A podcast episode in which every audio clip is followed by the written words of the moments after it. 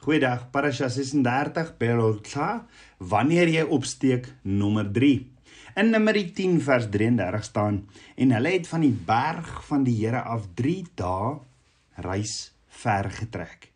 En die verbondsark van die Here het 3 dagreise ver voor hulle uitgetrek om vir hulle 'n rusplek uit te soek. So die kinders van Israel was 11 maande by Berg Sinai. En die 11 maande daar was soos om onder Abba Vader se vlerk in te kry. Die kinders van Israel se tyd by Berg Sinai was herstellend en dit was transformerend. Maar die soet seisoen by Berg Sinai het tot einde gekom. Die wolk van Abba se teenwoordigheid het van die Berg Sinai af opgelig en beweeg die woestyn in. So die volgende fase van die groot avontuur vir die kinders van Israel het begin. Soos wat die wolkkolom beweeg het, het die stamme gevolg na die woestyn Paran. Maar daar lê 'n paar verrassings in stoor vir die kinders van Israel. Die 3 dae in die warm son van die woestyn gaan alles in die kinders van Israel toets. Want sien in die woestyn kom versoek die onrein gees van Ismael jou en sal van jou 'n bespotting ook maak. Ja, hierdie gees kom steel jou vrede jou passie en jou entoesiasme. Nummer 11 vers 1a sê en die volk het hulle voor die ore van die Here beklaag dat dit sleg gaan. Ja, maar Vader het presies geweet wat voor lê vir die kinders van Israel met hulle 3 dae optog die woestyn in en was nie verbaas met hulle optrede nie. Jy sien daar was nog dinge van Egipte waarmee gedeel moes word. Hy sê mers die een wat die kinders van Israel reguit in die woestyn van of in die wêreld van Ismael ingelei het. En die vraag is waarom het Abba Vader gekies om dit te doen? Wat was sy plan? Kan dit wees dat hy dinge presies so beplan het sodat die kinders van Israel kan besef hulle sit nog met verdeelde harte en met 'n bose vlees? Het Abba Vader die halfhartige aard van die verbintenis tot verbond met hom kom blootstel. Ja Moses het drie oomblik jare later onthou in Deuteronomium 1 vers 19, maar ons is op die punt om uit te vind wat presies so groot en vreeslik aan die woestyn Paran was. So in die Britische gedeelte vir hierdie week of die Nuwe Testament gedeelte vir die week sê Paulus aan aan die gemeente van Abba Vader wat in Korinte is in 1 Korintiërs 10 vers 1 tot 13. Want ek wil nie hê broeders dat julle nou sou weet nie dat ons vaders almal onder die wolk was en almal deur die see deurgegaan het en almal in Moses gedoop is in die wolk en in die see en almal dieselfde geestelike spys geëet het en almal dieselfde geestelike drank gedrink het want hulle het gedrink uit 'n geestelike rots wat gevolg het en die rots was Christus. Maar God het in die meeste van hulle geen welgevalle gehad nie want hulle is neergeslaan in die woestyn. En hierdie ding was voorbeelde vir ons dat ons nie begerig moet wees na slegte dinge soos hulle begerig was nie. En wees ook nie af gode dienaars so sommige van hulle was nie, soos geskrywe is. Die volk het gaan sit om te eet en te drink en het opgestaan om te speel en laat ons nie horeer so sommige van hulle gehoreer het nie en daar het op een dag 23000 geval. En laat ons Christus nie versoek soos ook sommige van hulle gedoen het nie. En hulle het deur die slange omgekom en moenie memoreer soos ook sommige van hulle gememoreer het nie. En hulle het deur die verderwer omgekom. Maar al hierdie dinge het hulle oorgekom as voorbeelde en is opgeskrywe as 'n waarskuwing aan ons op wie die eindes van die eeu gekom het. Daarom wie meen dat hy staan, moet pasop dat hy nie val nie. Geen versoeking het julle aangegryp behalwe 'n menslike nie, maar God is getrou. Wat nie sal toelaat dat julle bo julle kragte versoek word nie, maar hy sal saam met die versoeking ook die uitkoms gee sodat julle dit sal kan verdra. So Paulus of Shaul, sy naam in Hebreëus, wil hê dat ons moet verstaan en deeglik vertroud moet wees met die ervarings wat die kinders van Israel in die woestyn deurgegaan het. Hoekom? Hoekom Paulus? Want dit was met die kinders van Israel wat met hulle gebeur het, 'n soort gelyk wat met ons gebeur, is dit nie? Paulus weet dat dieselfde vrees, gesindhede, vreeslike vleeslike behoeftes, geneigtheid wat die kinders van Israel uit verhouding met Abba Vader versoek, verlei of getrek het soos ook vandag ons uit verhouding met Abba Vader wil versoek of wil verlei. Met ander woorde, soos Paulus dit stel, hierdie dinge het vir ons voorbeelde geword met die doel dat ons nie die dinge moet begeer wat hulle begeer het nie. En nie afgode dienaars word so sommige van hulle geword het nie. En nie horeer so sommige van hulle gehoreer het nie. En ook nie Abba Vader toets so sommige van hulle Abba Vader getoets het nie. Ons moet ook nie kla nie soos hulle gekla het nie. En al hierdie dinge het gebeur met hulle en is voorbeelde vir ons dat ons nie in dieselfde strik moet trap nie met ander woorde dit is opgeskryf as vermaaning aan ons Ja 2 Timoteus 3 vers 16 tot 17 sê die hele skrif is deur God ingegee en is nuttig tot lering, tot weerlegging, tot regwysing, tot onderwysing in die geregtigheid, sodat die mens van God volkome kan wees vir elke goeie werk volkome toegerus.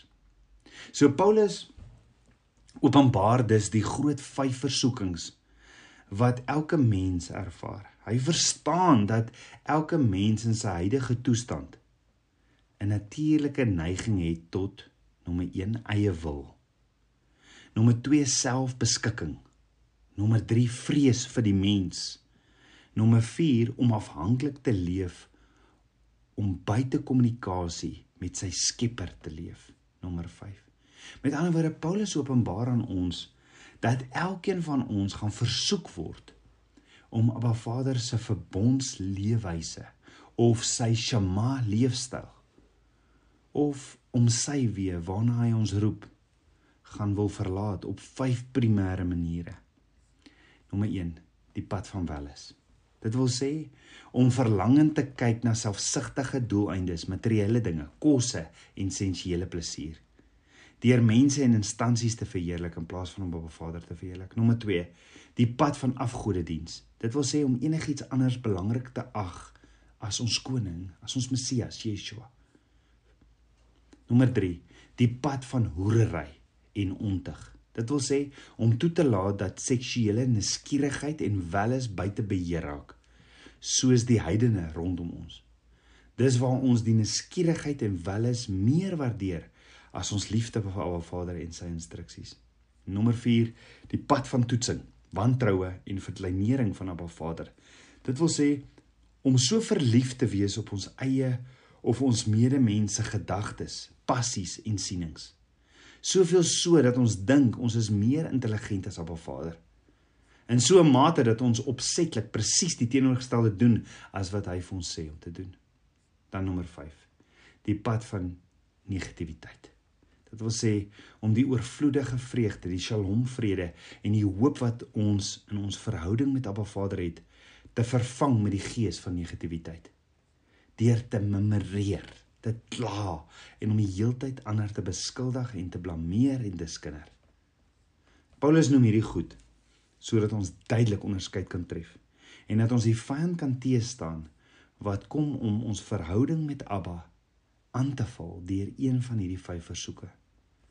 So, wat was die begin van hierdie groot groot rampspoed vir die kinders van Israel op pad hier in die woestyn na Paran? Die woord sê die mense was soos klaars, hulle het gememoreer en dit was nie goed in die oë van Abba Vader nie. So waaroor het die kinders van Israel gekla of gememoreer? In Numeri 11 vers 4 tot 10 staan en die gemengde bevolking wat onder hulle was is met lus bevang. Toe die kinders van Israel ook weer geween en gesê: "Wie sal vir ons vleis gee om te eet?" Ons dink aan die visse wat ons in Egipte verniet kon eet aan die komkommers en die wartlemoene en die prei en die eie en die knoffel. Maar nou is ons siel dor. Daar is glad niks nie, net die manna is voor ons oë. Die manna was soos koljander saad en dit het gelyk na balsamgom. Die volk het rondgeloop en dit versamel en 'n handmeele gemaal of in vysels gestamp en hulle het in potte gekook en daarvan roosterkoeke gemaak en die smaak daarvan was soos die smaak van oliekoeke. En as die dou snags op die laar val en die manna ook daarop geval, Toe het Moses die volk volgens hulle geslagte elkeen by die deur van sy tent hoor ween en die troon van die Here het grootliks ontvlam. Ontvlam. Ook was dit verkeerd in die oë van Moses. So waarom het die kinders van Israel gekla of gemurmureer? Hulle het die manna verwerp. Die kinders van Israel het die manna verwerp. Brood wat direk aan die mens afgelewer is, gegee deur Abba Vader. Hulle sê ons voel almal uitgedroog. Ons het niks behalwe hierdie manna nie. Dink gou daaroor. Was daar ooit 'n ander keer in die woord waar Abba Vader voedsel voorsien het en die mens dit ook verwerp het? Ja, in die begin, in die tuin van Eden. Abba Vader het al die bome voorsien en die mens toegelaat om van al die vrugte van die boom te eet. Met die uitsondering van een boom, die boom van kennis van goed en kwaad. Met ander woorde, al die ander bome wat Abba Vader gegee het, is verwerp. Adam en Eva wou dit nie hê nie. Die enigste boom wat vir hulle belangrik was, was die boom van kennis van goed en kwaad. Omdat die mens Abba Vader nie wou gehoorsaam nie en nie wou eet wat hy voorsien het nie, het Abba Vader toe vir hulle gesê in Genesis 3 vers 19: "In die sweet van jou aangesig sal jy brood eet totdat jy terugkeer na die aarde, want daaruit is jy geneem, want stof is jy en tot stof sal jy terugkeer." Kan ek herhaal? In die sweet van jou aangesig sal jy brood eet. Brood is wat hulle gekry het in die sweet van hulle aangesig in teenstelling met die vrugte wat deur Abba Vader vir hulle gegee is in die tuin. Met ander woorde, hulle sou moes koringsaadjies plant, die koring moes oes en dit moes maal vir meel. Dan sou hulle hulle eie voedselbron beheer het, want hulle was nie tevrede met hulle voedselbron wat Abba Vader voorsien het nie. Omdat hulle nie Abba Vader wou gehoorsaam nie, is hulle uit die tuin van Eden verban. Hierdie amazing spesiale plek waar Abba Vader saam met hulle gewandel het waar hy sy kosbare bome gegee het om van te eet. Abba Vader plaas toe, hoor gou-gou, twee engele by die ingang van die tuin om die tuin te beskerm. En onthou, die kinders van Israel het Egipte op 'n baie kort kennisgewing verlaat en hulle het nie tyd gehad om kos in te pak nie. Hulle het nie voorsiening gemaak vir hulle reis deur die woestyn nie. Hulle het vertrou op Abba Vader wat hulle sou lei en wat vir hulle sou voorsien. Wat het Abba Vader toe vir hulle voorsien? Abba Vader het brood, manna uit die hemel voorsien. Ja, Abba Vader het sy kinders so liefgehad, hy het vir hulle kos, brood voorsien, manna voorsien. Al het sy kinders sy kos in die tuin verwerp, gee hy hulle weer kos. Manna of brood in die woestyn. En dit is wat Abba Vader manna in Eksodus 16 vers 4 noem brood uit die hemel. Onthou aanvanklik het die kinders van Israel na die brood wat uit die hemel gekom het gekyk. Hulle het nie verstaan wat dit was nie. Hulle het gesê, "Wat is dit?" En Moses het gesê, "Dit is die brood wat Abba Vader vir jou gee om te eet." Met ander woorde in die tuin het hulle Abba Vader se voorsiening verwerp. Hulle is toe uit die hemel gesit met twee engele wat voor die tuin waak. Nou kry hulle brood uit die hemel neergereën in die woestyn met die verbondsark met twee engele op wat hulle lei na die beloofde land wat hy nog altyd vir het, wat oorloop van melk en honing. Met ander woorde die verbondsark met twee engele op die versoeningsdeksel, daar waar Abba Vader saam met sy volk gewandel het. So nou die kinders van Israel Abba Vader se spesiale land toe lei wat hy vir sy kinders het. Maar op pad na hierdie belofte, hierdie hierdie beloofde land, sê die kinders van Israel: "O nee. Ons wil nie meer hierdie manna, hierdie brood wat uit die hemel reën.